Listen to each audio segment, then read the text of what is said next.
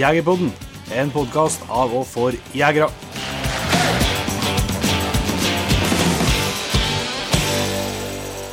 Hjertelig velkommen til en helt ny episode av Jegerpodden. Og du sitter, Jon Inge Vik, med peltor på, på Ås på universitetet. Det er der du finner det?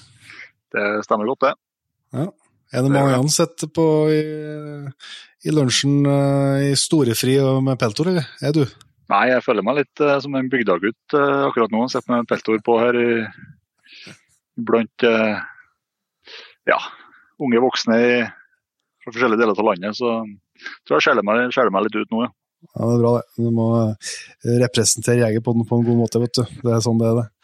Men eh, vi skal få til å ønske dere velkommen til en ny episode av Jegerpodden. og I dag så er det et opptak fra vi var på Overhalla i helga på, på revejakt. Mm. lag med Overhall Jeger og Fisk som inviterte oss dit. Og vi hadde en uh, liveinnspilling med en kar som heter Knut Nordfjellmark. Mm. Uh, som er en, uh, hele sitt liv har vært en meget ivrig jeger etter det aller, aller beste, egentlig. Og, og, både med hunder og forskjellig. Og i tillegg så har han jo levd sitt liv i skogen, og store deler i hvert fall som skogarbeider. Eh, og kjenner historikken til tømmerhoggerne eh, i området godt, så vi òg litt prat om eh, tømmerhoggere og det livet de levde litt tilbake i tid. da. Mm. Så det ble i hvert fall godt mottatt på Overhalla, så får vi håpe at det, du som hører på nå syns det er verdt å få med seg. Det blir òg litt musikk. Vi hadde med oss og Magnus Hestegrei på gitar og sang, skal jeg si, så det blir jo litt stemning til det òg, forhåpentligvis. Mm. Eh, men eh, og hvordan revejakta bare gikk, det blir jo kommentert litt i, i, praten der, så vi trenger ikke å gå inn så mye på det nå. Det var jo ikke, For å forskuttere litt, så var vi jo ikke noen av oss spesielt heldige med føre, vær- og føreforhold. Eh, Nei. Så det gikk litt utover jakta, men noen rever, det ble det da. Og så er vi jo bare minutter unna Odal nå, og de store revejakta der, det er det det går i nå. Jeg tror ikke spesielt mer heldige med føre- og værforholdene der, men uh til motsetning til nå, da, så er det jo det er vel borti 300 jegere som skal være med på den jakta. så skulle det jo være veldig rart om ikke en rev som eh, stikker seg fram eh, framom løpet til, til noen. En plass, ja. ja. Ja, det blir nok eh, gode sjanser. Og så er det jo da live Jegerpodden live der oppe på lørdagskvelden. Så er du i Odalen eller i nærområdet eller skal være med på jakta, så håper vi nå veldig på at du slår deg med på det. Eh, og Apropos eh, liveshow, så, så, har vi jo nå for Patriens lagt ut uh, billetter til Jegerpodden live på Lillestrøm under Camp Villmark. Mm. Det foregår litt sånn forhåndssalg med rabatterte priser selvsagt, til Patriens. Så det er det noe med jaktlaget og har lyst til å få med deg liveshow og skal til Lillestrøm, så må du klikke deg inn og, og sikre deg billetten din der. Uh, og likeens skal jeg jo bare nevne at uh, det ligger òg ut billetter nå til Tydalen, eh, der vi skal ha et liveshow den 9. april. Mm. Og Det blir jo fest etterpå med Magnus Gait med fullt band. Så det blir jo et jækla liv, tror jeg. Det blir bra, ja. Blir finner, men da er vi på den meldingen. Hvor finner man billettene hen til Tydalen? På Google. På Google det er en mulighet, og så kan vi legge ut det på, på hjemmesida vår. Mm. Og så eh, hvis du går inn på Tydalsfestivalen, så er det dem som arrangerer det eventet der. Mm. Så det er muligheter for. Men uh, før vi slipper til Knut og full pakke her, så uh, har jeg notert meg at uh, Jon Inge har vært i, i media de siste, siste, dagene. Du har i lag med flere vært med og fronta en sak om Eh, de tragiske tallene som en ser fra, fra jernbanen, eh, Nordlandsbanen, eh, når det kommer til påkjørsler av elg og, og rein spesielt. da. Mm. Det er dystre tider, ja. Det ja, det, altså. det er enorme tap. Ja. Det er det. Det starta jo egentlig med altså eh, Faren min, Kåre, driver jo med Han har jo ettersøkt viltnemnda i, i Namsskogan, kommunen vår. Eh, så har jo hele tiden, får jo hele tida orientering fra han om, eh, om ståa. Og så er han på, litt, på noen ettersøk sjøl òg. Og så um, har jo tallene vært stigende. Uh, ikke bare, og, ikke bare pga. snømengde, men også mye av elgen som er, som er, påkjørt, er jo påkjørt før mye av snøen kom. Så, bare det blir kaldt og kuldegrader, så trekker den jo til begynner å skal spare energi og krefter. Mm. Så var det en dag vi satt på kontoret og begynte å se over tallene, og så, og så begynte du å regne litt på ja, antall kilo kjøtt som går til spille, og, og gange det videre opp med, med kroner og øre, så holder jo på med enorme ressurser. Altså både Mm. kjøttressurser og, og, og tapte inntekter og, og sånt som går til spille. Og også ikke minst da Det er jo ikke alle dørene som dyr momentant. Nei, det er jo det er jo som er liksom ekstra tragisk oppi altså de voldsomme lidelsene som delvis Noen ganger så er det jo selvsagt eh, bråstopp og mørkt antagelig med en gang, men det er jo de gangene det absolutt ikke er det òg.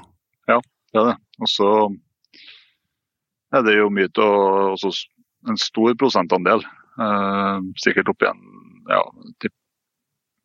eh, borti en 60-70 da, av dem som er påkjørt, er jo, er jo eh, voksne hodyr. Mm. Som da har eh, Mange av dem har foster. Ja. Så mm, Det er naturlig Nei, at det- de må liksom bli mest utsatt, som da sannsynligvis er de, er de individene som er mest opptatt av å spare krefter i, på en hard vinter. Da. Det er det. Og så, og så har vi jo, så Hvis det går 10-12 år tilbake i tid, så har vi jo hatt, eh, har vi jo hatt uh, tall som er høyere. Altså mer, mer påkjørsler. Men uh, da har det jo vært mer elg. Mm. Mye mer elg. Så det som gjør, gjør meg bekymra nå, og, og prøve å få ting til å skje da, i, lag med flere. For uh, vi er jo halvbekymra for elgstammen fra før. Mm. Og så får vi vintre som det her da, med på Nordlandsbanen, og så nærmer det seg 600 påkjørsler Mm. på sesongen. Det et hundretall bare i- ja. Det, det, bare elg, vet du, så er nærmer det seg 100 stykker bare i Navskan og Grong hmm. på jernbanen siden 1. desember. Eh, så det um, De har jo samme pro- problemet i Nordland, eh, i Rana og Vefsn. Og, og de har gått hardt ut og samla inn masse folk og fått med seg politikere. eh, og har fått med seg Bane Nor, og de tar, del, tar jo delvis ansvar for eh, Bane Nor er de som eier, eier jernbanen. Og de tar jo delvis ansvar for, eh, for det, og skal kjøre noe prosjekt nå på, på Viltgjerda. Så nå skal vi i morgen, da, fredag, skal vi ha Teams-møte med fylkeskommunen og Bane Nor for å ja, rett og slett prøve å finne noe tiltak på både kort sikt og lang sikt for å, for å hindre, for å hindre de her eh, tallene. da. Mhm. Så får vi se. Det koster selvsagt masse penger eh, å sette opp viltgjerder og få til viltoverganger. Men uh, alt tenker jeg er likere enn, enn det som er nå, at uh, ingen gjør noen ting. Ja, ja. Det er jo Og så også har vi en sånn dobbeltinteresse i men altså, Vi ønsker jo at bestandene skal bevares sånn at vi kan fortsette eh, jakta. av. Men, men samtidig så er jo det som du er inne på, det dyrevelferdsmessige, altså. Som, Mm. eh, eh, og som eh, vi har snakka om tidligere, og som jeg mener det er et veldig betimelig spørsmål. Da. Jeg trenger ikke, har jo ikke dem til å, til å svare for seg her, da, men når vi ser eh, f.eks. hvordan typisk eh, NOAH eh, hva de engasjerer seg i, og, og hvordan de hvordan de omtaler oss jegere i mange settinger og forskjellig sånn. Eh, så kan en virkelig spørre seg om hvor de organisasjonene er hen når det kommer sånne saker. Ja, helt klart. Som du sier, det er jo på ingen måte noen ny sak her, har vært utfordring all den tid eh, altså, all den tid det har vært jernbanen. Mm. Så hvor, hvor er de eh, hen da? For at her snakker vi virkelig eh, snakker vi virkelig dyrevelferd i, i stor skala, altså. Ja. Nei, altså savner, savner engasjement fra, de type organisasjonene. Eh, Og det er jo ikke sant eh, eh, Det blir jo ofte Det er jo Vi har jo noen som er eh, Vi er uenige i veldig mye saker med eh, jegerorganisasjonene og dyrevernorganisasjonene.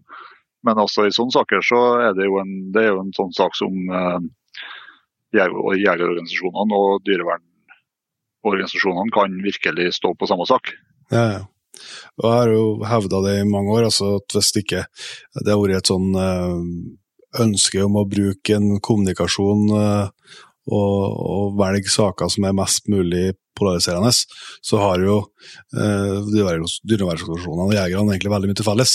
Mm. Eh, for at det som ligger jo i grunn til veldig mye oss jegere nå, så er jo en, både en dyp fascinasjon og respekt eh, og eh, kjærlighet til viltet. Eh, det er jo, det er jo jegerne som, eh, som, passer på som nå er, nå er, du og flere ute i den saken her, og ikke minst den jobben som er lagt ned som du ser litt lenger nord. da, eh, Der det har vært et veldig stort engasjement som er helt fantastisk å se. Og så har du jo med, med støttefòring og, og det engasjementet som er gjort rundt å berge rådyrkje for eksempel. Det er jo noen, noen få eksempel. Det er jo der det virkelig er snakk om, et, det er snakk om tall og det er snakk om dyrevelferd. Eh, og ikke for å snakke om alle trafikkettersøkene som gjøres av jegere rundt om i hele landet. Så er jo eh, så er man jo egentlig veldig eh, Det handler jo det i stor grad om, om denne respekten og, og, kjærligheten til naturen og til dyrene. Ja. Eh, så det er veldig synd altså, at, ikke, at eh, noen få saker og et ønske om å kommunisere på en mest mulig polariserende måte, i mine øyne, må jeg påpeke. Eh, I veldig mange tilfeller gjør at eh, vi ikke er enda flere som kunne ha slutta opp om, om, så viktige saker. Ja. Nei, for det Vi hater jo ikke vi hater jo ikke noen av dyrene vi, vi jakter på, vi heller. Og, og, vi er jo dyrevernere på, på mange måter, vi òg, med at vi, vi, ønsker dem vel. Yep. Så, det er faktisk villig til å bruke både tid og, og ressurser på at det skal, skal skje òg. Ja. Så nei, vi får se, se hva som skjer. Spent på, spent på møtet i morgen og om vi, om vi får til noen løsning på det. Mm. Ja, jeg hyller i hvert fall både eh, Du er i ferd med å starte opp eh, der, men ikke minst og, dem som har gjort det her, eh, og andre plasser i landet, og, og som, eh, som, når fram med. Det er en, eh, det er en investering og en, en sak som er, er, viktig for oss alle sammen. Absolutt. Så får vi tro at det går an å, å finne noen tiltak som, uh, gjør det, som du ser i hvert fall gjør det litt likere at du i hvert fall kan starte der. Altså, er, jo, er det jo, er jo enkelt å tenke seg hvilke tiltak som ville vært veldig effektive, men det er jo, det er jo en økonomisk side av det som sånn at man må jo finne noen som, som, kan betale. Ja. Nå er det jo uh, stort sett, da. altså Hvis man ser, ser det store bildet, så er det jo en ganske stor pengebok alle sokner til til slutt. Ja, mener. Uh, så Eh, og med det her eh, oljeprisene som er nå, så ser det ikke ut som det blir tomt med det første heller. Nei, det, det kan en si. Har, det, er ikke, det, er ikke, noe mange fat olje nå, vet du, før du har en kilometer med en gale på sida til jernbanen. Nei, det, det er sant, det. Nei, så vi får se. Det er sånn, nei, men det er i hvert fall veldig bra at uh, mange engasjerer seg i sånn type saker. Det er investering for oss alle som er glad i jakt og naturen. Eh, men vi skal til å slippe til eh, Knut og Magnus og oss fra Overhalla, men jeg tenkte jeg skulle eh, slenge inn det rett før her at om du ikke har sett det som en del av P3-jaktlaget eller fått det med deg, så hadde Jegertoner sin første uh, offisielle visning på Naturkanalen uh, nå på torsdag den 10. mars. Og der, eh, det er klokka halv ni på torsdagen framover, så dukker Jegertoner opp. Så det håper vi jo veldig at uh, hvis du ikke har sjekka ut det, at du sjekker ut det, eller kanskje vil se igjen. Jeg tenkte nesten jeg skulle gå og se her, for jeg har aldri sett meg sjøl på TV-en, sånn ekte. Nei. nei, men det blir ikke det samme å sitte og, og streame på TV-en, vet du. Nei, nei, så det blir spennende å prøve det. Det er Cast, eller hva det heter på. Ja, ja, ja. Dere teknikerne mellom oss teknikerne imellom. Nei, men Sjekk veldig gjerne ut Jegertoner på Naturkanalen, eh, og sjekk gjerne ut alle programmene som går der òg. Det er jo et kjempetilbud for oss, eh, for oss jegere, den TV-kanalen der. Det har blitt et meget bra tilskudd til TV-verden. Absolutt. Det, men da skal vi sette over til Knut og Jegerpodden live fra Overhalla. Det gjør vi.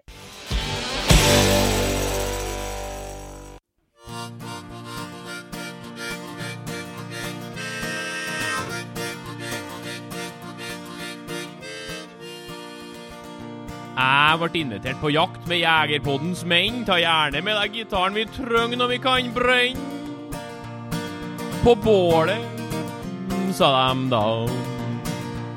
Jeg mente jeg har erfaring, jeg har skutt i fugl før. Da holdt de opp en fangstrapport og sa vi har skutt dyr, rådyr, pungdyr, nebbdyr, steppesebra, bison på den franske riviera. Oter, ilder, mink og mår. Sisten var tynn og blå som en isbår. Ræv og en grevling som samme skudd bakom huset der Jens Kvernmo bodde. Villsvin, marsvin, kanin og hjort. Laks og laka, makrell og mort. Men denne fisking, det sa jeg nu. Tror jeg de snakker dere bort. Nå nei, du, fisken var akkurat sendt, og vi skjøt fort. Ja, vi skjøtti. i Ja, det, er altså, det skal de liksom repetere og så svare på, de da. Det var en sånn kort prøve henne igjen. Det tar vi en gang til. Fisken var sendt, og vi skjøt fort. Er det klar? Vi har skutt i Nå begynner det å ligne på, da. Det var første det er tre ord, og så er fire ord etterpå. Det eneste de er annerledes da, er at det henger på en ja. Vi har skutt i ja, greit? Siste prøve. Fisken var sendt, og vi skjøt fort. Vi har skutt i Vi har skutt i Ja, dæven søkke hva dyr i dødt i vi i alt.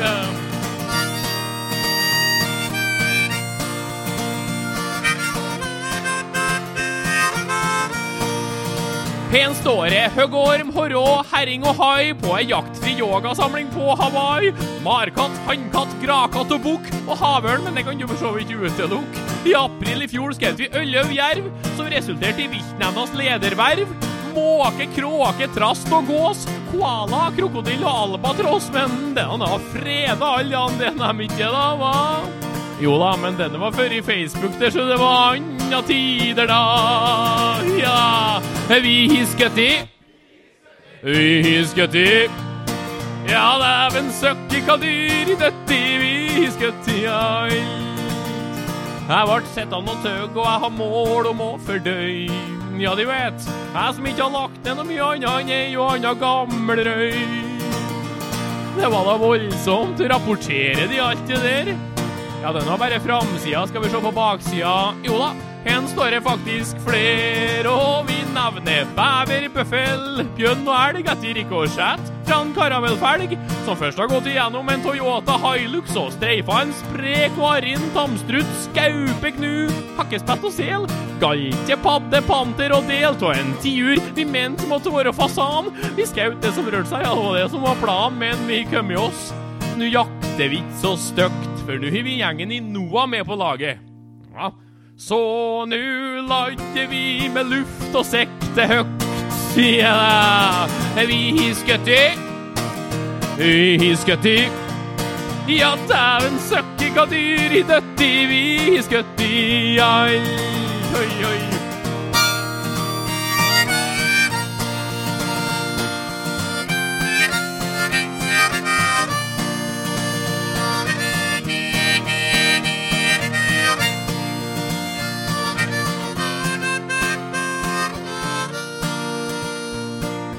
Igjen ble jeg sittende og spekulere. Jeg fant ut det må da meste av mangler noe her. Hva med ulven, som river både rein og sau, og at de ligger og pines før de får dau? Hva gjør de med sånt et dyreplageri? Nei, staten syns det er vanskelig han å la oss få gjøre noe som helst med de. Så de skjøter ikke om de ser den, som jeg forstår. Er du på styr? Da blir jo bøter og kanskje fengsel, da. Ja, i opptil flere år. For det er straffbart, vet du. Store synder er hvis du skjøt ulv. Ja. Og så forteller folk om det.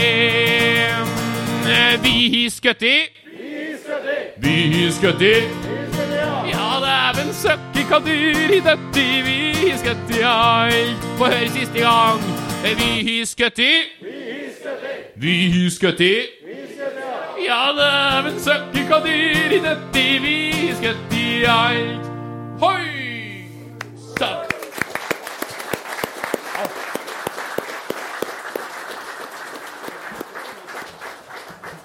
Tusen takk til Magnus. Eh, han kommer straks tilbake. Og eh, hjertelig velkommen til en helt ny episode av Jegerpodden. Eh, først av alt, tusen takk til Årala Jeger og Fisk, som har invitert oss både på revejakt og også de får lov til å komme og prate i lag med dere i dag. Eh, dere er faktisk årets første Jegerpodden live. Det er det.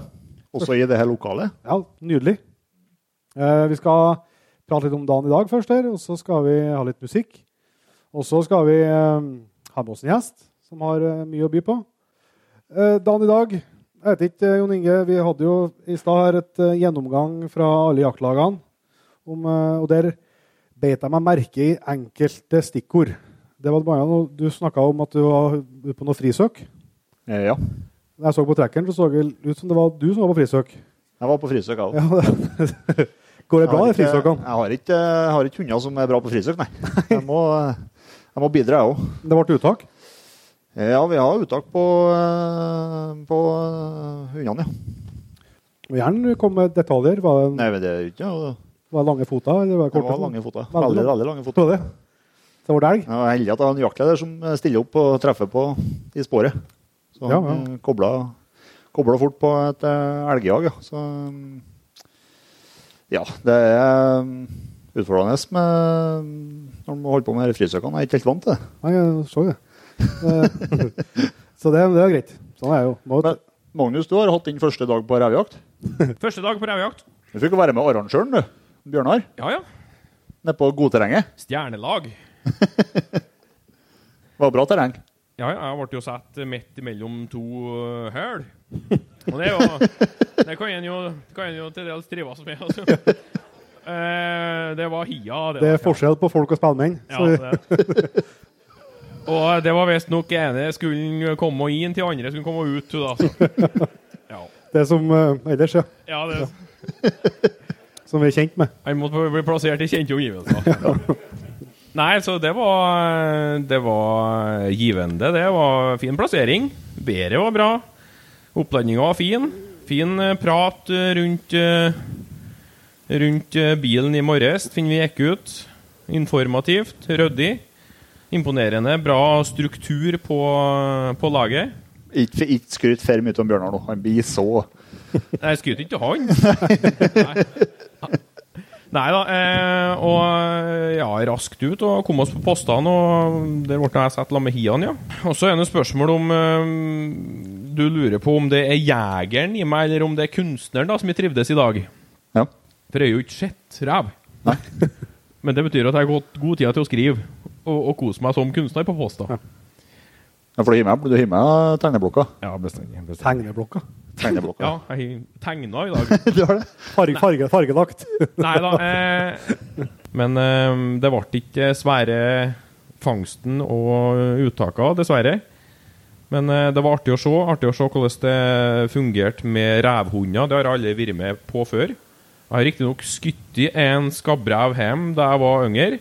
Og så skjøt vi en da vi var med en Joar på Vestlandet. Da vi egentlig skulle skjøte hjort, så gikk vi oss på en rev som da måtte bøte med livet. Yes. Ja. Det var jo det lukta Pampers, da. ja, det gjorde det. Det gjorde det. Men det gjorde det faktisk at vi har der i dag òg. Ja. Ja. Kjent lukt. Det gjorde det. Nei, så jeg har hatt en fin dag. Absolutt. Ja, det er bra. Så tenkte jeg vi skal bare kort innom eh, det òg. Vi hadde jo som sagt en gjennomgang i stad med, med hvordan jakta har gått. og Der var det en historie med, med rett og slett det ble skutt i rev for bannhund. Det er jo ukjent for, for min del, men eh, ettersom jeg har fått hørt historien, så lå det med reven og sov. Og nå er jo ikke eh, alle som sitter i salen, dere har vært ute på jakt i Årala i dag, men uh, de som hører på podkast, har jo ikke det. Hvordan du klarer å gå stilt nok føre i dag til å gå deg inn på en rev på ti meter så den fortsatt ligger og sover. Jeg syns det er imponerende nok å gå med en støver i bånd i noen hundremeter. Ja, det, det er det for seg, men det var ikke akkurat, det var ikke smygere før. Nei, det var ikke det. Så eh, det Det er skal all, all, all kred. Så jeg syns hvis vi kan få den indianeren til å rekke opp hånda, som eh, Jeg tror ikke han er så. Er ikke her? Nei, da får du ikke noe applaus der, da. Det er bare sånn det må være. Magnus, vi skal som sagt ha med oss en eh, gjest, men eh, før vi tar opp eh, kveldens gjest, så vil vi ha litt uh, mer musikk. Ja. Vi, eh, du, du kan jo gjerne spille noe som du lager sjøl. Det noe for noe du bestemmer sjøl. Fortrinnsvis dem jeg kan. Ja, det, det er jo, du er jo best, du er jo best der. Ja. Ja. Eh, Det er jo noen fordeler med å være programleder i Jegerpoden. Det er at en får lov til å bestemme hvordan musikken en vil ha. Og da tenkte jeg at Det er ballast for andre. Ja, det er sånn. Forskjell på folk og spellemenn, som vi er inne på. Eh, vi skal da ha, høre tonen, eller jegertonen, tenkte jeg først der. Ja. Hvis det er mulig å be Det om skal du få. Ja. Kan du fortelle litt om låta, du, da? Det kan jeg gjøre. Med. Vi har jo den nye TV-serien vår. Den heter for Jegertoner. Det er nå et uh, lite forsøk på ordspill med at vi har med oss en kar som heter Svein Jæger Hansen. Og så er jo uh, lyden av jakt og, eh, og musikk og en viktig del av det programmet, og det er derav navnet.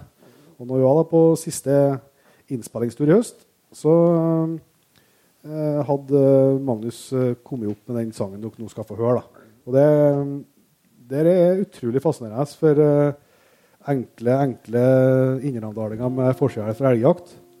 Når eh, noen kan eh, på eh, et par dager og noen få timer i løpet av dagene klare å skrive og lage en sånn som det, det syns jeg Jeg prøver jo å skryte minst mulig av Magnus, men eh, akkurat der eh, har han jaggu imponert. Og det skal dere nå få nyte eh, en av låtene fra den serien. 'Jegertom'.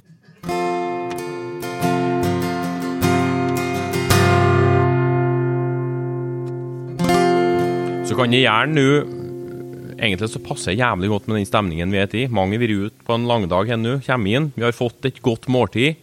Vi har kameratene rundt oss, og vi kjenner på det at denne har vært en bra dag, uansett hvordan, hvordan det er med fangst og sånt. Det, det handler ikke bestandig om det. Det handler om at vi har hatt ei opplevelse og knytta til det som vi ser på som en lidenskap i livet. Og det er akkurat det som skulle være utgangspunktet for oppsummeringslåten da, for den serien. Det var det Jon Petter skulle si i stad. Ja, men det er du kan ikke gi- ikke gi et manus til en stakkars mann. Så Jegertonen. Vi ser gjennom glaset vi sitter ved at natta henger tung over blikkstille vann. Igjen er vi samla rundt bordet, men er det for siste gang? Varm inn til beinet av flammen, stolt inn til sjela, fordi herre har vi laga sammen. Jegertonene er fri. Det brenner i en kubbe, det knitrer i takt. Her finnes ikke hovmod eller forakt. Jegertonen i rommet. Den søng hvem vi er, den søng at vi har latt lidenskapen bli livet. Jegertonen er klar. Vi trur på et liv før i døden.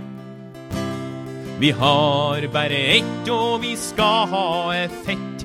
Men treffer vi Herren i himmelen, skal vi fortelle både fyldig og bredt. Om røy og tiur, om treff og bom. Om all dem vi naila, og dem som ikke kom. Om håpløse situasjoner. Om formfagre, flommende fossebrus. Om østavinds invitasjoner. Til Alskov i fjelluftas rus.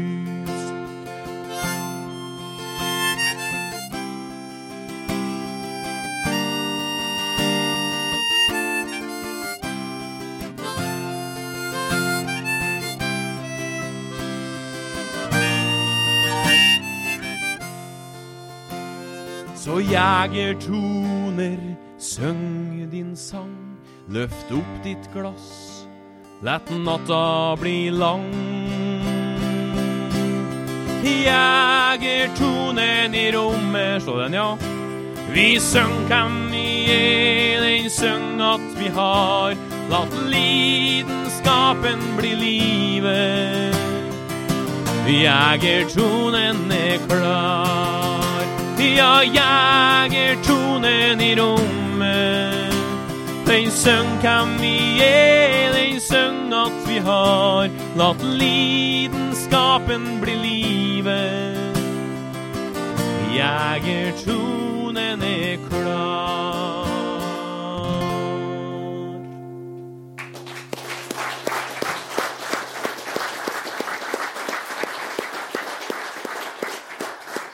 Det, gjel- det gjelder dere alle. Tusen takk, Magnus. Det blir, eh, mer musikk, men vi skal flytte oss over eh, til enda mer jaktprat og gjøre klart for å ta imot eh, kveldens gjest.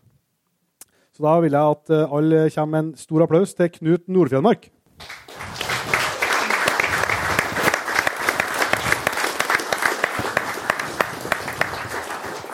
Først av alt, velkommen til Jegerpodden, Knut. Takk for det. Og takk for sist. Takk for sist. Du takk for sist. var jo rett og slett eh, med oss eh, når den sangen hørtes da Jegertonen ble eh, urframført. eh, Så var jo du til stede i rommet, du. Det var det. Det var nesten rart han klarte å synge, så klar som han var etter hogsten. Og så varm som han var til akevitten. Ja. Ja. Eh, Men vi kan jo ta det først.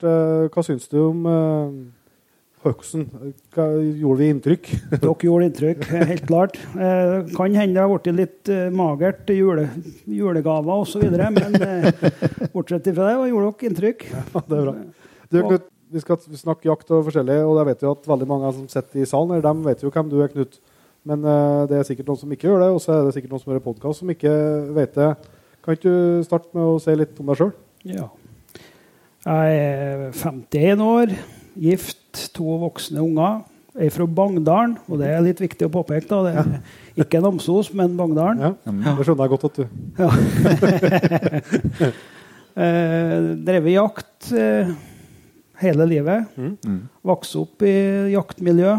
Det var jo i bygd der det var Enten jakta du og fiska det, eller så gjorde du ikke så mye. Nei. Eh, arbeid i skogen. Drevet med skogbruk eh, hele livet. Både som manuell skogsarbeider og tømmermåler, og nå skogbruksleder. Ja. Ja. Så det har vært jakt, skog og jakt eh, egentlig hele livet. Ja. Jaktinteressen eh, fra barndommen, den er, hvis vi tar første viltet i Bangdalen da. Eh, kjøttmeis. ja. Eller, eller Er, er, det, er, det sta- det standard det oppe i ja, det er gråspurv, kanskje. Ja. Ja. Eh, så ble det jo, var jo veldig heldig. Jeg har en bestefar som var veldig jaktinteressert, og sjøl inn eh, lot meg slippe det ganske tidlig. Så jeg var tolv år, da fikk jeg låne salongrifla. Ja. Og da eh, var det noen gjerping som fikk unngjeld, så det ble noe av det. Prøvd, eh, skjøt på ry, på tiur og i flukt med salong, og det gikk dårlig, da. Eh, Men året etterpå, det, det er vel kanskje det som sitter best, da var jeg, fikk jeg første dagen i fuglejakten lån eh, en Winchester enkelløper med hane i og 90 cm løp og full trangbaring. Ja. Kom hjem fra skolen, hiva sekken og for på jakt. og Har ikke gått så kjempelangt, så kom det fram en tiur eh, gående på bakkene under i gran. Og opp med børsa og skjøt, og tiuren klappa i hop. Og da kom det to tiurer til gående på bakkene, men det, jeg tenkte ikke på å lade om og skjøte noen til. da. Så da eh, sprang jeg hjem med børsa i hånd og tiuren i andre hånda og var forholdsvis eh, gild når jeg kom hjem. da. Og Ja. Det var kanskje det viltet jeg husker best. da. Det, Bratt i ryggen. Ganske bratt i ryggen. Ja. Godt fordøyd. Men Winchester med hane, da. Hvordan, eh, hvordan våpenutrustning eh, stiller du med i dag? Ja, når det gjelder hegl, så eh, fikk jeg i konfirmasjonsgave en Sauer modell 8 sideligger. Og den har nå egentlig har jeg brukt da. Bruker delvis i halvautomathegl òg, men eh, og, men det er noe, jeg er jo riffeljeger, jeg må jo si det. Ja. Eh, Så da er det noe Da har det mange mange år vært gammel Mauser, men eh, jeg har òg en gammel Saco som jeg bruker mm, mye. da. Ja. Og så vet vi jo at uh, du er en dyktig hundekar, eh, Knut. Uh, hvordan uh, står det til på hundefronten i dag? Har du én hund eller flere hunder? Eh, nå har jeg bare én. Jeg har ei jevntotisp på fem år. Utrolig ivrig. Eh, ja, litt i overkant ivrig. Men eh, god løshund, da. Mm. Du har hatt eh, jeg vet jo at både svarthunder, gråhunder og, Ja. og forskjellig. Både bannhund og løshund. Starta jo med svarthunder. Vi har, når jeg vokste opp, har vi svarthunder hjemme og har hatt tre svarthunder sjøl òg. Egentlig veldig trivelige hunder. Utrolig rørlig til å være så små. Eh, Så ble det jo der eh, Skogbildet har forandra seg, jakten har forandra seg litt. sånn at det ble jo Interessen for løshundjakt kom noe mer og mer, da. Ja. Hvordan, når starta liksom løshund? Når kom overgangen på disse? Eh, ja, jeg begynte å jakte en god del med løshund på slutten på 90-tallet. da. Ja. Mm. Men du har hatt både, både Gråhund og Jämthund. eh, Det er jo bestandig det spennende spørsmålet. Hva er grunnen til at du har Jämthund nå, og ikke Gråhund? Ja eh, Nei, eh, gråhund er en fantastisk hund, det. God til å stå i øy og bra til å ha på gården. Eh, syns Nei da, det, det er flåsete. Det er mye, veldig mye bra grunner. Syns hjemtun har en forseg, eh, særlig når det begynner å bli snø. Fysikken til hjemtun lynner. Veldig trygg, veldig rolig. Nesten ikke lyd av hjem. Og en eh, er jo blitt fantastisk gode elghunder etter hvert. da. Syns det. Like Jämthund lynne på han og hele. Men ikke minst, jeg driver veldig mye med ettersøk, og da det jo, har han jo en kjempeforse i snøen. da. Det er jo ikke noen tvil. Vi skal ikke krangle med deg på det, vi. Eh, eh, men det, du sa jo at du både er riflejeger, men at uh, jakt og skogen er liksom kjempedel av livet. Hva er jaktåret ditt uh, i dag, da? Ja, altså jeg starter jo på sommeren eh, med litt revejakt når det når, Særlig når jordene er nyslått osv. Så, videre, så bruker jeg å ha med en natt eller to der jeg er ute og kikker etter reven. Så jeg er ikke noe sånn særlig ivrig bukkjeger. Var ivrigere før, ikke noe særlig ivrig nå. Jeg er ute litt. Vært heldig og fått jakta bjørn eh, i mange år. Sverige. Eh, Det skal jo sies at jeg jakter jo en god del ellers på sommeren, for det er jo ofte lett for å være en del skadefellinger. sånn at vi er jo vi skal kalle det jakt, kanskje, så er jeg i hvert fall ute eh, i felten. Men så har jeg vært heldig og fått jakta en del villrein de siste årene, og det syns jeg er jo en fantastisk jakt. Altså, det er òg en del starten på jaktåret. da. Ja. Hvor har du vært da? Jeg har vært både i Rondane og Forelogna siste, tida, eh, siste gangen. Mm. Og det det- August i høgfjellet og få lov til å fare og lure på villrein, det, det er en eh, fantastisk fin jakt. da. Men nå håper jeg jo at det er, når koronaen slipper litt mer, at det blir litt lettere å komme seg på bjørnjakt igjen. da. Ja, ja. Og så er det elgjakta utover eh, når den kommer i gang. Eller jakta da? eller? Jakt er gjort. Eh, ikke gjort, jakta så kjempemye gjort de siste årene, men eh, jakta mye gjort tidligere. da. Eh, jakter litt nå. Eh, må ha litt hjortkjøtt i tillegg til det mere. Og så elgjakta fram til det er det fullt kjør på det når den starter drar i gang, eller? Da er det elgjakt den 23. desember. Ja. Ja. Eh, Villrein og hjort. Og har du mange frysere? eh, nei, ikke så mange nå. Nei. men jeg burde kanskje hatt en to-tre til. Du nevnte jo at du har vært jobba, hatt et yrkesliv i skogen eh, og tømmerhogst. Og, og det merka vi jo når vi treftes sist, Knut, at uh, det ligger jo både hjertet ditt nært og er noe du har mye kunnskap om eh, og kjennskap til. Og det, dere ligger jo ganske tett opp til, til jakta og jegerne, Altså, så i hvert fall eh, skogbruket. Så vi må jo forholde oss til det på et vis hele tida. Det er en sak av det, men, men eh, jeg tror mange av oss jegere har latt oss fascinere over det livet som var i skogen, eh, hvis vi går litt tilbake. Og Det har vi lyst til å, til å prate litt uh, med deg om, for at du ikke bare er oppvokst blant jegere, men du er oppvokst blant tømmerhoggere. skal jeg si. Ja, jeg var jo eh, veldig heldig med det når jeg var gutt og ungdom oppover, at jeg fikk eh, omgås mange av de gamle skogsarbeiderne og begynte faktisk å jobbe da, med en del av dem òg. Starta i skogen som 17-åring, jeg òg. Fikk arbeid da, med en del av dem som har starta med svans og borkspai. da. Ja. Og eh, fantastiske karer og fantastisk fysikk og et pågangsmot som vi vi, vi alle burde ha hatt, eh, lært litt av. For det, det var jo selvfølgelig et veldig tøft yrke, og de var jo de eh, slet jo mange ganger og lei jo vondt. Det var jo mange som ikke hadde fysiske forutsetningene for å bli en veldig god skogsarbeider òg, men de eh, har ikke så veldig mye å velge i. så det det var jo et tøft liv. Det ble jo romantisert litt, men det var nok et veldig tøft liv. Det er jo ingen tvil om. Ja, for eh, Hvis du tar oss, så hvis vi sier at vi går 100 år tilbake i tid, da. Mm. Så 1920. Eh, noen 20, Hvordan eh, fortona på et en sesong og en arbeidsdag seg for de som drev med det? Ja, altså det var jo det brukene eh, I private skogene så var det jo ofte dem som var drenger og sånne ting, som var ute i skogen. Og I tillegg til andre arbeid de gjorde på gårdene. Men i Namdalen var det litt spesielt, fordi det var jo mye store brukseiendommer. Det var jo Bagndalsbruk, det var jo jo det store.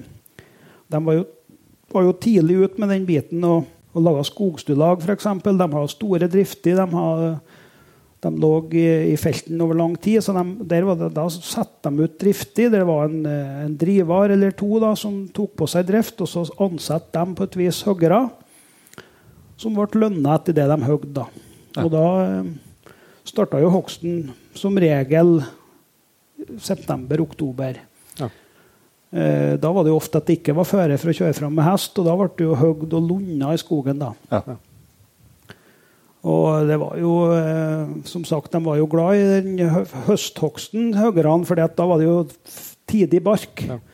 For det å barke eh, når det er tidig og fint, sånn som dere fikk prøve, det, det, det er én ting. Det er tungt.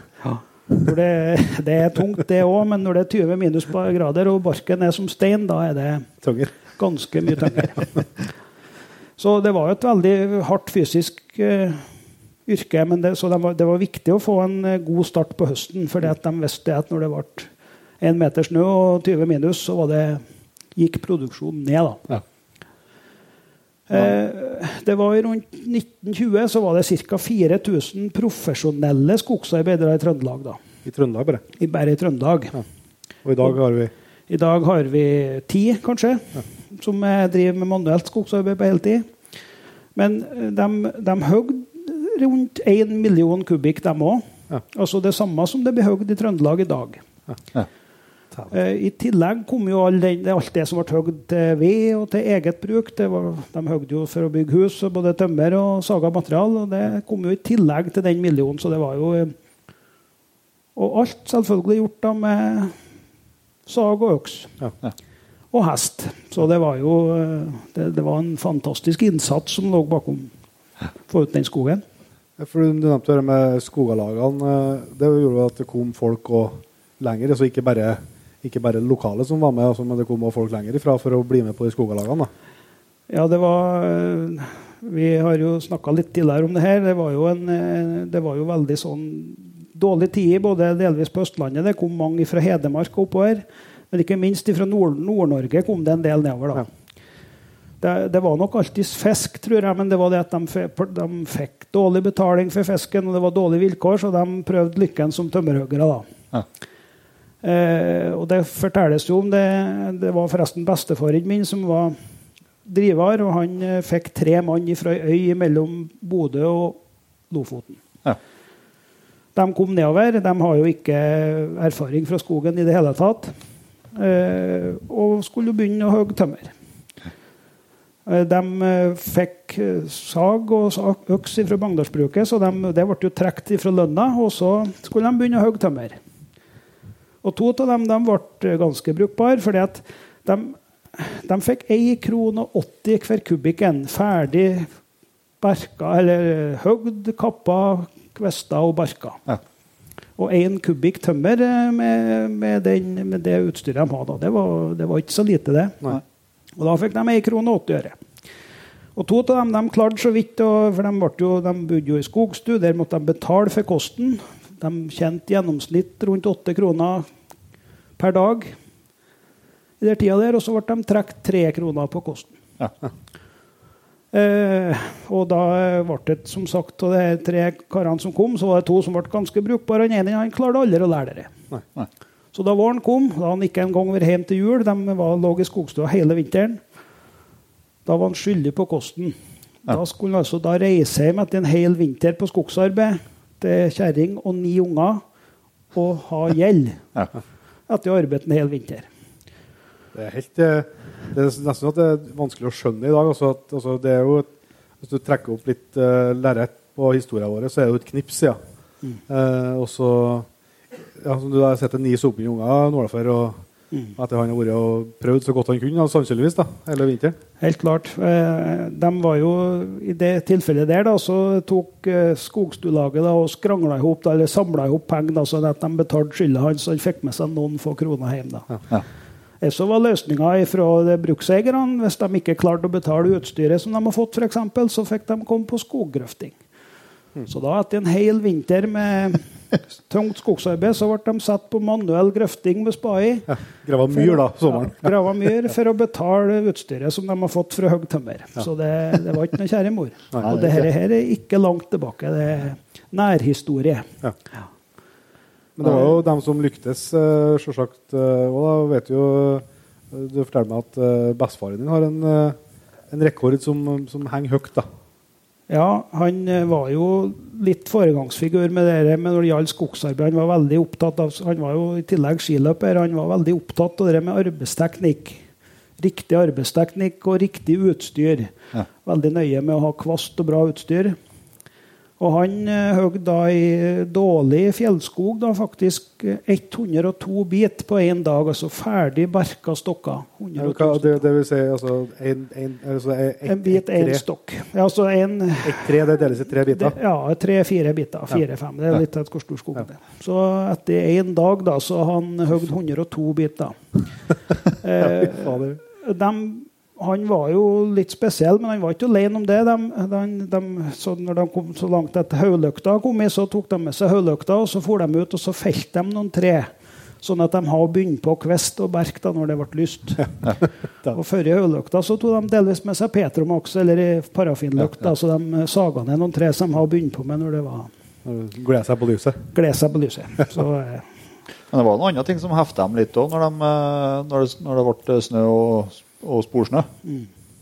Ja, da Det var jo som sagt eh, Du lå på ei dagslønn på åtte kroner, kanskje. Ja, ja. da. Så det er klart at når de var på tur til skogs og kryssa et mårspor eller et revspor, da var det lett å sette fra seg saga og reise på jakt.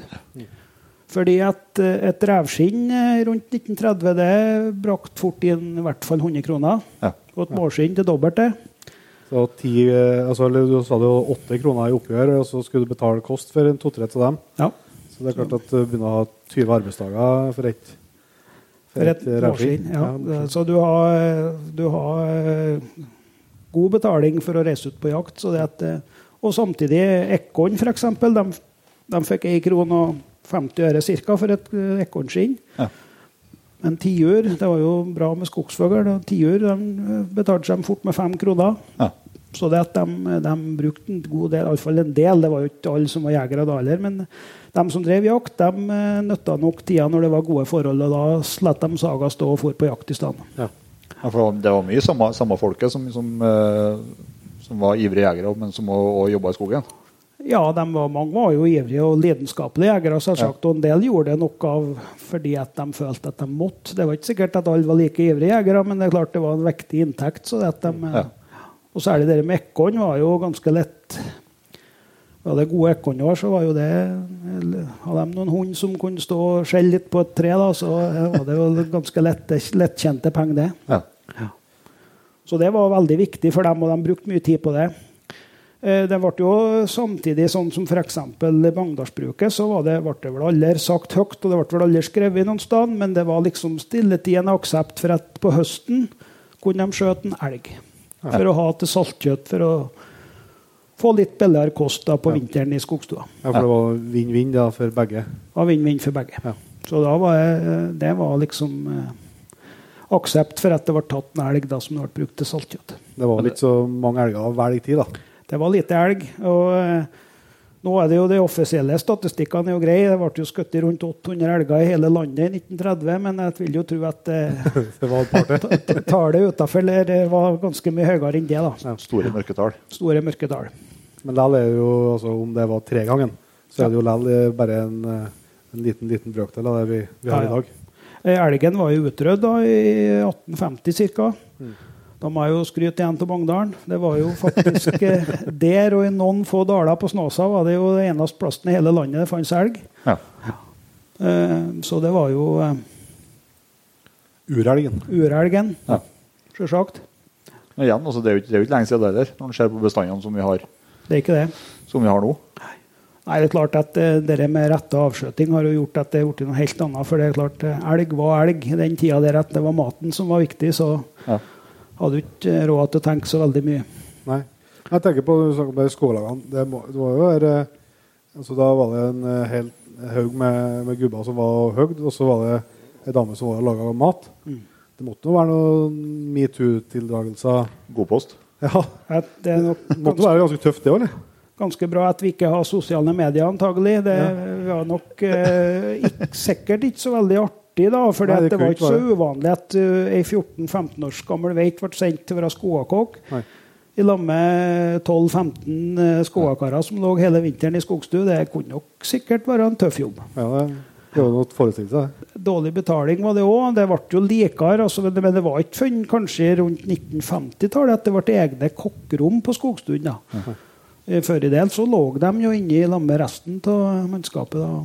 Og Ei gammeltante av meg hun var, lå i et gammelt sommerfjøs en hel vinter, og senga hennes var ei gammel fòrkist. Så eh, det var det var det var òg et veldig tøft liv. Ja. Og de, eh, at, alt etter hvor store skogstuelagene var, så måtte de jo bake opp i 20 brød per dag. Så det, Jeg fikk ikke de slappa ikke av riktig der, og da var det jo vedovn Ja. og komfyren som var Så det, det var òg et tøft liv, ingen tvil om det. Antagelig en spesiell odør og klima i skogstuen og utover. Det viktigste var jo å få tørka greie til hesten. Ja. Så det ble hengt nærmest om. Ja. Så ble jo klærne hengt lagvis utover ifra det. Eh, og klart folk som har vært ute og arbeidet tungt og åt kraftig kost, det, nok, eh, det var nok en spesiell odør. Det var jo veldig vanlig i Namdalen å ha toetasjes skogstue. Ja. Der de har hestene under, og så var det tømra opp, så de har boer, Rommet de bodde i, var oppå stallen. da, og Det var jo litt for å få nytte av varmen fra hestene og greier. også. Ja. Og da ble det jo kanskje ikke noe mindre lukt av det. da. Men det kunne ikke være så varig, da, for at eh, altså, de drev nå liksom fra den i noen sesonger måtte de ha et ny, ny tom, eh, De da. plukka veldig ofte ned, ned skogstuen ja. og flytta dem. da. Ja. Så det at eh, den samme skogstua kunne bli plukka ned og satt opp igjen mange ganger. da. Eh, morfaren min fortalte han eh, når han var, han var 15 år den første vinteren han var i skogen. da, og da var han eh, i sånn toetasjes skogstue. Da. var de 16 mann. De åtte første eh, stå opp, kle på seg, ete og dra ut. Så kunne de åtte siste stige sti opp. Samme på kvelden de kom inn. Åtte første måtte ete, ordne seg, legge seg i senga, så de åtte siste kunne komme inn igjen. Og da eh, Du har ikke meldt deg frivillig på forslaget, du? Nei, det er ikke sikkert jeg har fått lov til å være på første. For at hvis jeg har sovna først, så er det ingen som har sovet etterpå. Så, Nei, De lå tre og tre i hver senga. da, Andføttes. da. Ja. Så eh, det er ikke sikkert en 15-åring i dag har vært helt fornøyd, men eh, sånn var det. Ja. Så det er jo et tøft liv, og som sagt ikke lenge siden. Nei. Nei, det er utrolig. Det er jo en, eh, en del av kulturhistorien vår som eh, vi både skal være stolt av, selvsagt, men som også, eh, vi syns er viktig å, å få fram. Men hvis vi går litt over på deg og jakta igjen Knut, du nevnte jo ettersøksjakt.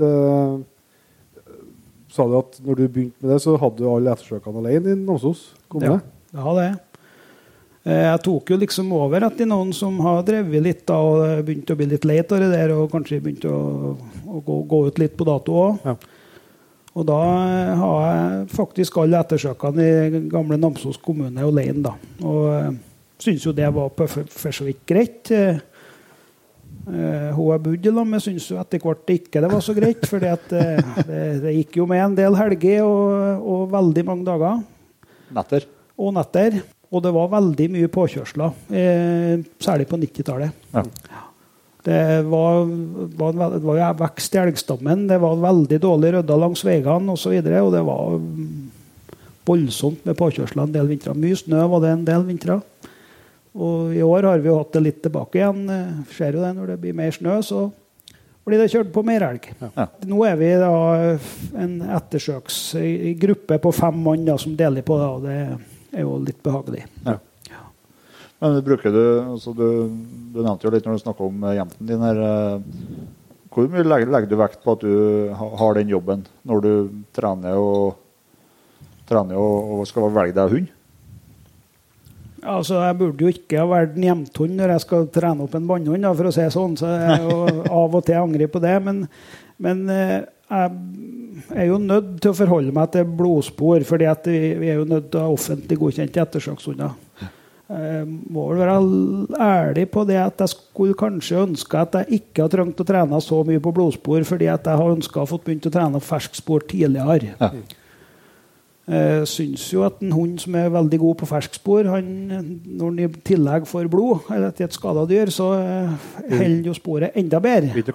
Blir ikke noe kleinere til det. Så at jeg, men det er jo ikke noen vits til å diskutere det, for sånn er nå regelverket. Men eh, så jeg begynner jo selvfølgelig ganske tidlig med en gang jeg får hjem valpen. Blander jeg litt blod i maten, kan dra ut et lite blodspor på plenen. Bruker å ha en bjørneskinnbit som jeg legger inn i hundburet, bare for at hun skal venne seg på den lukta. Og begynner med, egentlig med en gang i det forhold til det med blod. Da. Og så er det noe sko mest mulig tid i skogen. La valpen få være løs i skogen, la den få bli kjent og la den få lov til å bli trygg. Det er noe selvsagt oppskrifta. Og det, det gjelder jo de fleste hunder. Altså, det er jo Men uh, dere, hvis vi var inne på helt i starten her, altså at du hadde jo en overgang fra, fra bannhundjakt uh, til mer løshundjakt. Uh, og Det er jo noe som diskuteres mye på, på ettersøk i, i Norge, i hvert fall, også om hund skal slippes eller om hun skal, skal banne. Men hvordan erfaringer liksom, Du har jo måte vært i kall det begge leirer, i mangel på et bedre uttrykk, eh, og hun sikkert gjør begge delene i dag. Ja, det, det har jo både fordeler og ulemper, begge deler. da, fordi det er klart En, en god bannhund er jo fantastisk til å holde sporet. Men det er klart at f.eks. en elg som er, har en avbrutt i fot, han er utrolig til å klare å holde seg unna en bannhundekvipasje. Han går hele tida opp og står og venter og følger med, og når det begynner å nærme seg, så trekker han unna og trekker han unna. En løshund stiller jo en sånn elg på få minutter. Så det er klart at det er veldig etter, etter situasjonen om det er gunstig å bruke bannhund eller løshund. Men, men en hund som blir brukt en del på ettersøk, blir veldig god til å ta det rette dyret. Ja. Eh, Så det, er- jeg har opplevd det mange, veldig mange ganger at jeg har sluppet hunden på et skada dyr i områder med mye annen elg, men egentlig alle vi noe problem at den har skifta over på annet dyr. Det er nok noe spesielt med luktstoffene etter et, skade, en ska, et skadedyr som gjør det at hundene velger å holde seg til det sporet. Ja. Så, eh, men det handler jo om å ha dem, bruke dem og la dem få være mye ut og la dem få erfaring. Selvsagt. Så sa du skadefelling og rovdyrjakt, og at du var i Sverige og jakta bjørn. Eh, Det vet jeg jo en stor del av, av livet ditt, Knut. Eh, Hvordan starta liksom fascinasjonen for, fra, til rovdyrjakta? Fra Gjerpen med salongriffel og så til å begynne å skjøte bjørn? Ja, det starta jo eh, når det gjelder rovvilt. Jeg har alltid vært fascinert av rovvilt. da. Det starta jo selvfølgelig med rev og mår og sånne ting. for jeg har jo en eh, svart elghund som var veldig ivrig på mårspor. Det starta jo litt der. Ja. Ja. Men så var jeg jo, fikk jeg jo være med på veksten i gaupestammen. Ifra at det var veldig lite gaup, så eksploderte jo gaupestammen i samband med rådyr- rådyrene på 90-tallet. og det fikk jeg jo lov til å jakte i lag med samene som drev med rein i områdene her. Og starta jo jakta mye i Sanderdalen bl.a. Og ble veldig fascinert av den jakten. da. Det Da, da var det på den perioden at det var litt friere gaupejakt? Det var ikke, ikke kvota. Det var fri jakt. Eh, veldig behagelig. Ja, det, det har vært artig å oppleve det. Ja. Eh, og vi, vi eh, jakta jo uten hund. Så det var jo og jeg mange ganger tenkt på dem, de, de kalde verstingene til å renne på ski, da, som drev og jaga. Fantastisk eh, de, kilometer etter kilometer opp og ned i bratt terreng. Dag ut og dag inn uten resultat. Og så plutselig kunne det noe klaff så det skjøt i gaup, men eh, det var jo selvfølgelig en stor innsats per dyr. Ja. Ja. Enorm. Mens når hundejakten starta, så ble det jo litt annerledes. Det ble jo veldig mye mer effektiv jakt. selvsagt. Du har jo du har fått skutt noen gauper sjøl òg? Skutt i noen gauper sjøl òg. Eh, skutt i fire gauper sjøl, da. Eh, og vært med på mange, da. Ja. Siste årene så har jeg vært veldig lite effektiv som gaupejeger sjøl. Men, men eh, Men det er stort sett i områdene eh, Bagndalen, Namsos, Overhalla Ja, det er det. Det er vært altså, jakta som sagt en god del i Sanderdalen eh, Ja. tidligere, men Ja. så når det her kvotejakten kom, så ble det plutselig så mye lokale lag som skulle jakte, så da ble det noe mer eh, Ja. ja. Ble det mer Bagndalen, Overhalla, områdene her, ja. Du skal ut i merkagaup en gang òg? ja. Jeg skjøt ei merkagaup eh, sør for Gilten. Og det var litt eh, Vi var bare to, da, Lars Thomasson, som var ute på jakt. Gilten, for dem som ikke er kjent. Det blir sør i retning Steinkjer. Da. Det er en ganske stor innsjø som ligger i, Steinkjer kommune. Da. Ja. Ute og jakta. Det var, to gauper på lag. De har tatt rein, og vi var ute. og det Det klaffa godt, det. Vi var, vi, jeg skjøt den gaupa der og var merka. Og var sikker på at det var den siste merka gaupa på det her gaupeprosjektet på Høylandet. Ja. Så jeg meldte jo inn gaupa, men nei, det, var- det syntes de var rart. Det kunne, det kunne ikke stemme. Så viste det seg at gaupa var merka i Sarek. Hun var, så var godt, det, det var 46 mil i luftlinje fra der hun var merka til der hun ble skutt. Ja. Så de eh, bruker jo forholdsvis bra områder. De, ja, Det kan Det var, ja, var mange år siden vi har merka Da var merka året før. Ja, dæken ta. Dere rente ikke hele den turen sjøl? Dere begynte ikke i Sarek? Vi, begynte. vi bodde ikke i Sarek. Så eh, de eh, bruker store områder. Og det ser vi jo med noen av de jervene som er merka, som flytter fra Nordland og ned til Hardangervidda osv. Så, videre. så det er jo Rovdyrene er jo selvfølgelig tilpasningsdyktige og bruker jo store områder. og Det er jo sånn de har alltid har brukt landet. da. Men uh, du har jo fått skutt ei for hund òg? Skutt i hund, ja, Jeg vet ikke hva jeg skal si, om jeg er fascinert eller hva jeg er av plotthunder, men uh, i alle fall da, så jakta vi. Jeg tror faktisk Knut Petter eh, var med på den jakten der òg. Vi, vi var um, i Vemundvik og har funnet et gaupespor som gikk ut på ei helvøy der. da. Eh, Så skulle det komme en med plotthund fra, jeg tror han var fra Trysil. Ja. Og egentlig aldri, aldri hørt om eller sett en plotthund før, men det, jeg husker vel på da bilen kom, det første vi hørte, det var losen. Gikk, gikk i bilen. Eh, og det, Vi sto nå der og prata og planla litt, og losen gikk. Og eh, vel, så ble det, ble det bestemt at eh, hundføreren og noen til skulle ferde med båt rundt den helga og starte på på yttersida. da. Og så jo båten gikk utover fjorden, og losen gikk. Full los. Og vi starta jakten, og losen gikk selvfølgelig. Jeg så på en gang kom over et fjell, og det var jo greit. og Hundene kom nå ganske langt etter, og losen gikk nå. Som de var helt i hælene på gaupa. Eh, det var en runde ganske langt sørover, kom tilbake igjen, og gaupa kom på meg, og jeg skjøt der, da. Og losen gikk jo. Og det tok noe 10 minutter, det tok noe 20 minutter, og det tok 30 minutter. Ingen hund. Losen gikk like bra. Eh, Jeg har fått beskjed fra hundføreren om at de burde henge opp gaupa, for de var ganske ivrige til å rive på dyrene de kom. da, sånn at jeg tenkte det var jo greit. Og hundene kom omsider, og full los. Og det kom flere, og vi sto der og prata, og losen gikk. og eh, vi, Jeg bar noen ned gaupa, og hundene gikk nå ned til sjøen og ble med båten, og losen gikk fortsatt. Og det siste vi hørte da bilen for om ettermiddagen, det var losen. Så, det, så, så at eh, Det er artig med los, da. Ja, det er veldig artig med los. Og at, eh, og at plottene er losville, det er i hvert fall sikkert. Det, Du, du ikke kjøpte plott sjøl? jeg har ikke plott sjøl. Det er veldig mye bra plott, så det er ikke noe med det. Men eh, ja, Det var en bra opplevelse. låsvill ja, det var en artig opplevelse. Det var det. Men Du har jo eh, vært borti noen bjønner. Har du, du har skutt noen bjønner sjøl òg? Har det. Jeg har jo vært i Sverige og jakta og fått skutt bjørn der. Og har jo skutt bjørn på skadefelling i Norge, da. Så det at, eh, har jo vært, hatt, litt flaks. Ja. Ja. Men det er den i Norge, det er noe ganske nylig. Det var i fjor sommer. Ja. Eh, og det var jo litt eh, Det ble jo en litt spesiell opplevelse, det òg, fordi at vi har jo vært ute eh, to kvelder før. På fredagskvelden så ble det en del skader i Vesterå området i Overhalla her, da. Og vi var ute på skadefelling, og vi lyktes ikke. Vi fant mange kadaver, men vi kom aldri helt i vi var aldri helt i nærkontakt med bjørn. Eller eh, i hvert fall klarte vi ikke å lokalisere den helt. Så det ble avslutta uten resultat. Da. Ble enige om at vi skulle ikke eh, at vi skulle vente til vi hadde nye kadaver før vi prøvde igjen. da.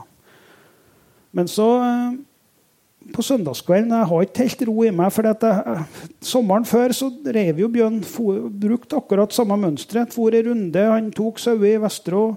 For ned langs ei elv som heter Bogna, ned mot Solum og fjellgårda der. Og reiv liksom sau hele runden. Så jeg sa det til eh, Svein Nesjan, en kamerat av meg, at jeg tror vi må ut en tur i kveld og, og se om, vi, om Bjørn tar samme runden i år òg. Ja. Jeg starta ut med hund i bånd. Eh, starta ganske langt øst og gikk og jeg kom på en haug, så fikk jeg høre et lam som breka. Så jeg skjønte at her har skjedd noe. Gikk framover, og så fikk jeg se lammet sto på en haug der. men da, så Der lå sikkert mora, men da tok hun sporet. Jeg så i gresset at bjørnen var gått før meg. da. Spåra eh, sikkert to kilometer. Kom framme i noen tette plantefelt der, så hørte jeg at det ble eh, veldig uro på noen sauer der. da. Og gikk framover og i det området som sauen har vært, og da fikk jeg høre det var noe plasking nedi et vann hjemme der. Ja. Og jeg skjønte at det var noe som skjedde der, så jeg sprang ned lia mot vannet. Og så når jeg kom ned på flata mot vannet, fikk jeg plutselig se hodet på et lam som kom rett opp uti et kjerr. Hodet sto rett opp og ned.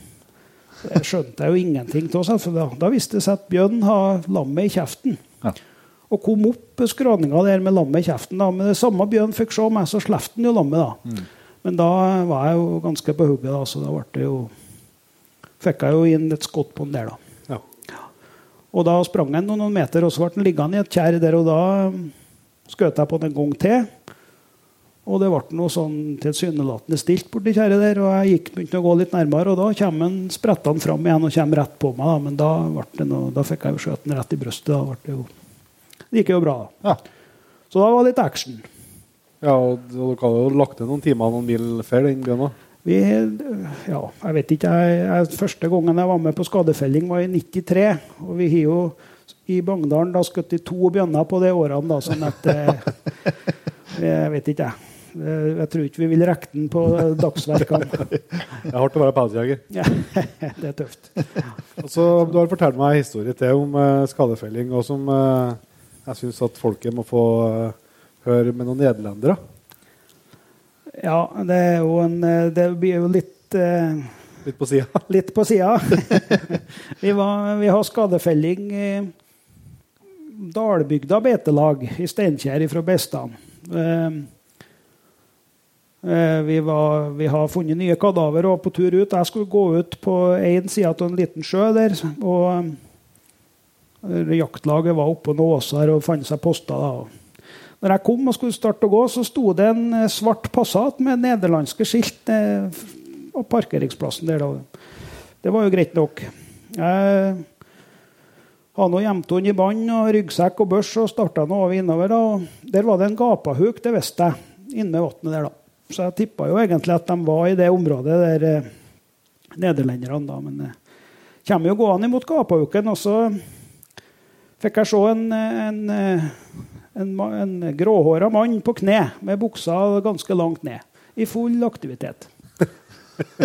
Og eh, da ble jeg jo litt stuss. Dæven, hva gjør jeg her? Her må jeg jo prøve å eh, lure meg forbi uten at de merker meg. da. Og eh, var jo, Det var jo litt sånn litt pinlig situasjon, selvfølgelig. Da Da jeg lura meg jo fram og skulle liksom forbi. Da plutselig snur han seg og ser tilbake. Og fikk se meg, da. Og jeg har jo som sagt tenkt ganske mange ganger på hva han tenkte da. Men det som da skjedde etterpå, var kanskje det som gjorde at det gjorde inntrykk på meg. da, For framom der snudde seg enda en gråhåra mann og så tilbake.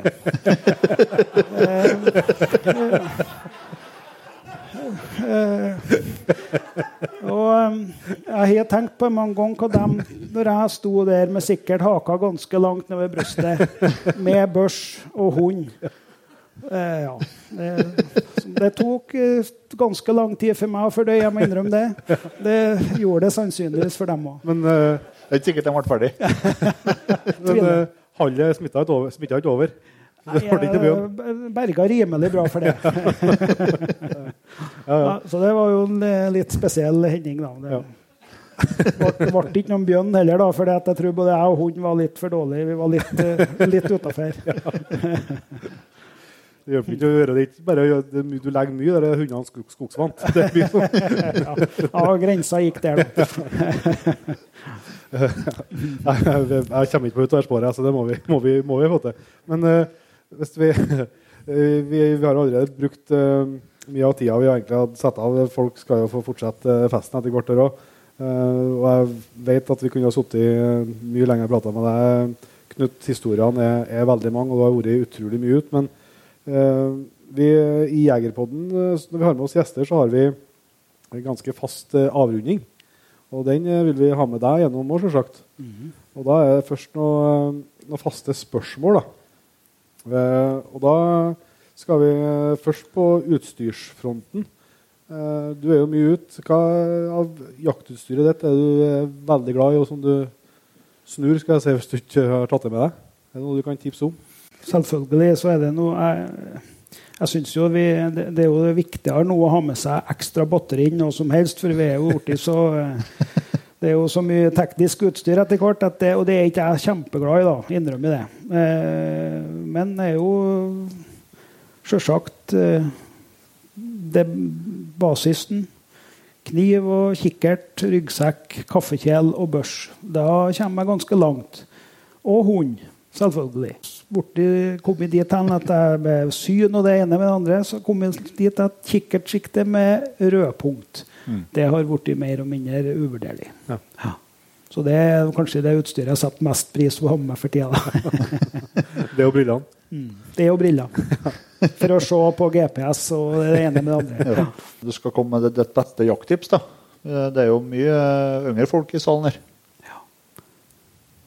Ja, da er det å bruke tid i skogen hele året rundt. Være ute, se, se vilt, være, gjøre seg kjent, gå være ute. Både selvfølgelig med børsa, men kanskje like mye utafor jakttid. Ja. Bruk mye tid i skogen. Se vilt, og som sagt, gjøre seg, se, vilt, se hvor elgstia og viltstia går hen. Se hvordan viltet velger å bruke terrenget. Det tror jeg nok er noe av det viktigste en kan gjøre. da. Og så eh, kjepphesten min, da, skytetrening. Ja. Tren og tren. 30 treningsskudd pluss oppskjøting. Ligge på bakkene, magen på en skytterbane er jo helt fortvila. Det skulle ha vært i hvert fall ti ganger. Ja. Tren. Skjøt mye. Det tror jeg er noe viktig tips i forhold til unge jegere. da. Ja. Både ung og gammel. Ja. Men, men å bruke mye tid ute i skogen hele året rundt, det tror jeg kanskje er noe av det du lærer mest av. Ja. Men eh, du har jo, eh, jo snakka om noen av høydepunktene fra jaktkarrieren her, eh, kanskje òg. Men har du noen jaktdrøm som du ikke har fått opplevd ennå? Ja, det er jo mange, det. Jeg har jo fått lov til å jakte på mye rart. Men jeg må innrømme at uh, utenlandsjakt og alle sorter, det frister sikkert det. Men fjelljakt med kikkert etter bjørn Ja. Å få lov til å fare og speide etter bjørn som beiter i blåbær og krekling til fjells, det, Ja, ja. det, det er nok drømmejakten. Jeg vil nok tro det. Og så er jo sånn at uh, Nå har vi jo fått mye historier både fra skogen og skog tømmerhogsten, men nå jakta her. Men uh, vi slipper jo ikke noen gjester vi da, uten, uh, uten ei jakthistorie på slutten. Jeg har jo tenkt litt på det, da, for det er jo, det er jo mange historier, og det er jo mange som er både ja, det er mange ikke skal fortelle oss, selvfølgelig, da, men eh, Du må gjerne ta en av dem. Vi kan slå til eh, opptaket. skjønner jeg er jo som sagt veldig interessert, veldig interessert i hunder og den måten de jobber på. Da, så jeg må nesten ta en fra ganske langt tilbake. Jeg har en svart elghund som het for Pippi. Som var, det var den tida jeg var alene om ettersøk og hun ble litt sånn eh, Nesten litt professor, der hunden, for det ble brukt så mye at hun ble utrolig god. da. Ja. Eh, Dette var så lenge tilbake at elgjakten varer bare til den 23. oktober. Og Vi har drevet og jakta, og det har vært litt lite elg, og vi har én elg igjen. Én okse igjen har vi. Og så var det ørnvær ute i verden. Det var vind og regn og sludd, og det var liksom ikke noe sånn. Og ingen av jaktlaget som var så ivrig på ut, da, men jeg fant ut at jeg måtte gjøre et siste forsøk på å få her elgen. da. Eh, kjørte inn i fjellet til en plass det heter for Svartberget, og parkerte der. da, og Tok nå ut utstyret og hund. Og, med det samme jeg tok ut hund, så det var nordvest der dagen. Men akkurat kom det et, et vindkast som kom sørifra. Og hund opp med nesen og liksom begynte å kalibrere seg litt. da. Og så slo jo vinden over på nordvest igjen, og teften var borte. Men nei, når vi skulle begynne å gå, så ville hun den retning.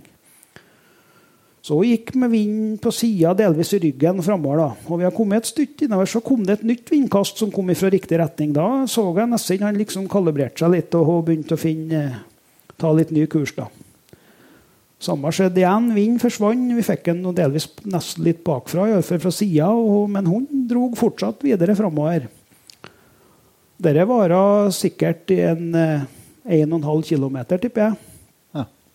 Og I løpet av det 1,5 km har vi et vindkast som kom i retning fire ganger. Men så begynte jeg å se på hunden at nå måtte vi begynne å komme ned til elg.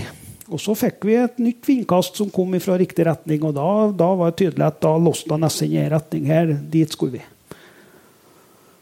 Og vi lura oss nå fram, da, og da, da skjønte jeg at nå For hun har av litt dårlig erfaring lært seg at det var lurt å gå til sides når hun så elg. For jeg har skutt over hodet på såpass mange ganger at hun var litt lei av det. Eh, Så jeg kom fra en liten kant, da gikk hun ut på sida. Og jeg begynte å finse, og der gikk det en liten elgokse og beita nedi der, så jeg, som jeg skjøt der, da. Og da har i løpet av det er sikkert 1,5 km hatt riktig vind fire ganger. Bare små, korte blink. Da, så det, det sier litt om når de først for det første har blitt erfaren, men det sier også mye om hunden sin, hvor Ja, ja. god han egentlig er. da. Så det, det er en historie, eller det, det er en, en, opplevelse som jeg husker på, da, for det, det, det syns jeg var Ja, det sier, jo noe om ekvipasjen, for det er jo noe med tilliten du hadde til hund, da, som lett å gå på, altså på, på når du har, du har såpass lite å hjelpe seg med, men likevel at du er helt sikker på at her, her har jeg på en viss kontroll likevel. Ja, eh, det må jeg jo si. da, at det der, eh, Jeg begynte å jakte med en eh, godt voksen gjeng. da, og Det første jeg ble doktrinert inn med ganske grundig, da, det var at å alltid lete på hunder. det var Ja. det, ja. Hvis jeg ikke lette på hund, så kunne jeg lett den være hjemme, og det har de jo rett i. Ja. Ja. Vi skal begynne å gå inn for landing, men vi skal ha noe musikalsk innslag. Eh, Vi skal fortsette med nye, ny, litt ny musikk her først. eh, Og jeg tenkte, eh, vi har, Jeg nevnte jo at vi hadde med oss på den eh, serien vi laga, og en fjerde mann som heter Svein Jæger Hansen. Jeg vet jo at det er en del her som har hørt litt på Jegerpodden innimellom, i hvert fall. Og noen har kanskje sett den både på liveshow og forskjellig med oss. Og hvis dere har enten hørt eller sett Svein Jæger Hansen, så ser du ikke han så mange minutter sammenhengende før han begynner å reklamere for en, en uh, akevitt han har. Og, eh, Helt tilfeldig, selvsagt. Helt tilfeldig, som han sjøl treffende sier. Og den er jo en, det er jo et godt produkt, men eh, det, han kommer jo unna med den eh, skryten eh, og den reklamen pga. den mannen han er, som eh, er i stand til å lage god stemning. Kanskje passer den litt godt i dag òg. Ja, ser ikke alle bort ifra det. Av og til så kommer det dyr på post. Men ikke i dag. Ikke i dag. Og da kan du føle deg ganske lost. Men ikke i dag. Nei, ikke i dag. For vi har det som farger mørke sinne kvitt. Juhu! Så sure morgentryna smiler blidt, og det blir god stemning, ingen impotens eller poliomyelitt, snåp avgang eller brå bronkitt. Den går til både rømgraut og pommes frites. Og det er Jeger Hansens villmarksakevitt. Ja da. Av og til så virker dagene tung. Kanskje i dag, kanskje i dag. Men i like lag blir gråe tanker ung. Det vart dem i dag, det vart dem i dag.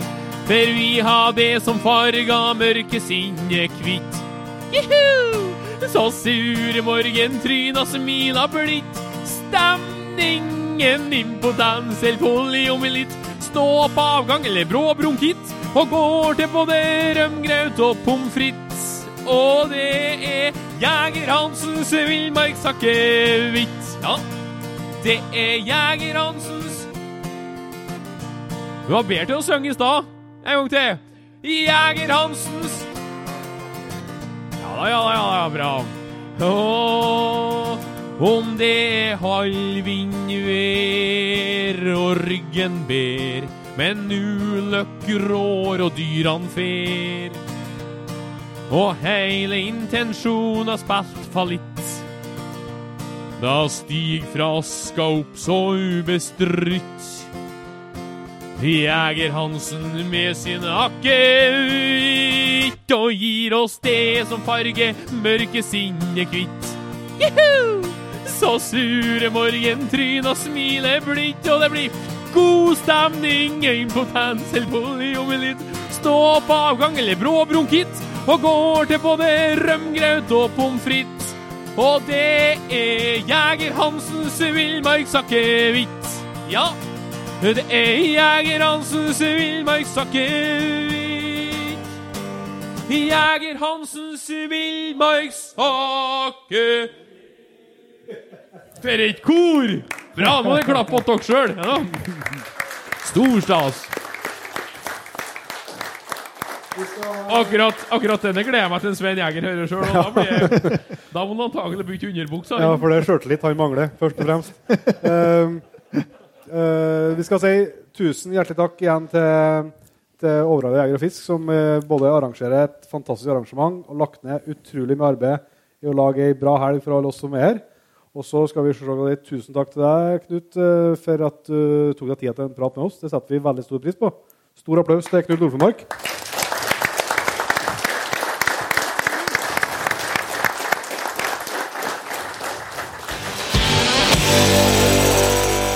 Det var altså Jegerpodden live fra Overhalla. det. Håper du som har vært med helt hit, syns det var verdt å få med seg. Jeg syns det var veldig mye interessant å snakke med en Knut om. Det blir jo litt i en sånn setting at du kjenner at du kunne sittet her og, og prata en god del lenger òg. Mm. Men det er klart det sitter jo folk i salen som skal drikke øl, og det er mye som, som skal prioriteres. Så det er nok eh, helt klart mer å hente fra en Knut enn hva vi rakk eh, her, men uh, likevel syns jeg nå vi fikk fram eh, både mye gode historier og, og ny læring. Jeg håper jeg aldri treffer nederlendere på ute i skogen. Nei. og, og så, så er det jo, var det jo bare å si det, altså, at det var kjempeartig å igjen få komme og prate framfor eh, folk.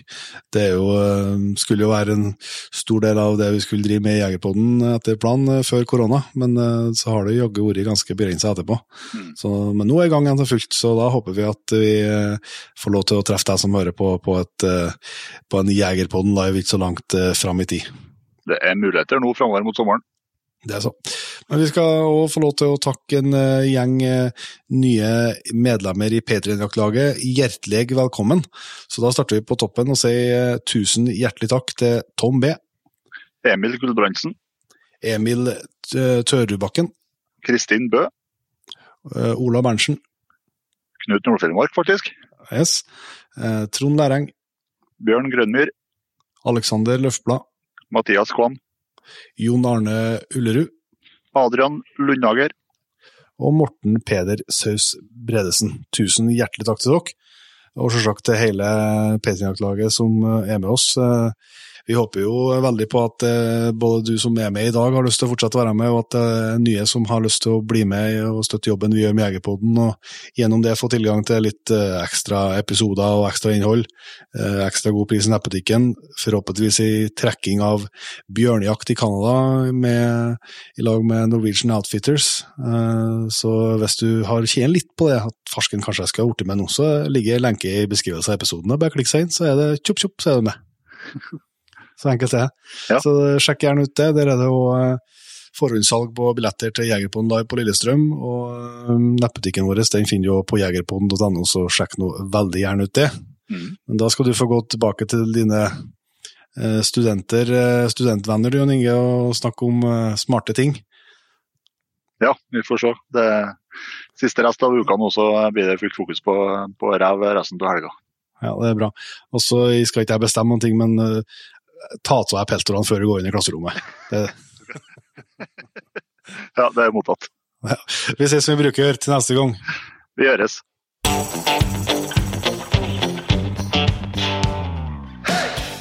Tusen hjertelig takk for at du valgte å bruke litt av tida di på Jegerpodden. Sjekk ut jegerpodden.no eller din favoritt favorittpodkastspiller for enda mer innhold og flere episoder. Følg også Jegerpodden på Facebook og Instagram, og ikke minst, husk å fortelle alle gode venner, familie og tilfeldige forbipasserende om Jegerpodden, sånn at vi får spredd det glade budskap videre. Vi høres.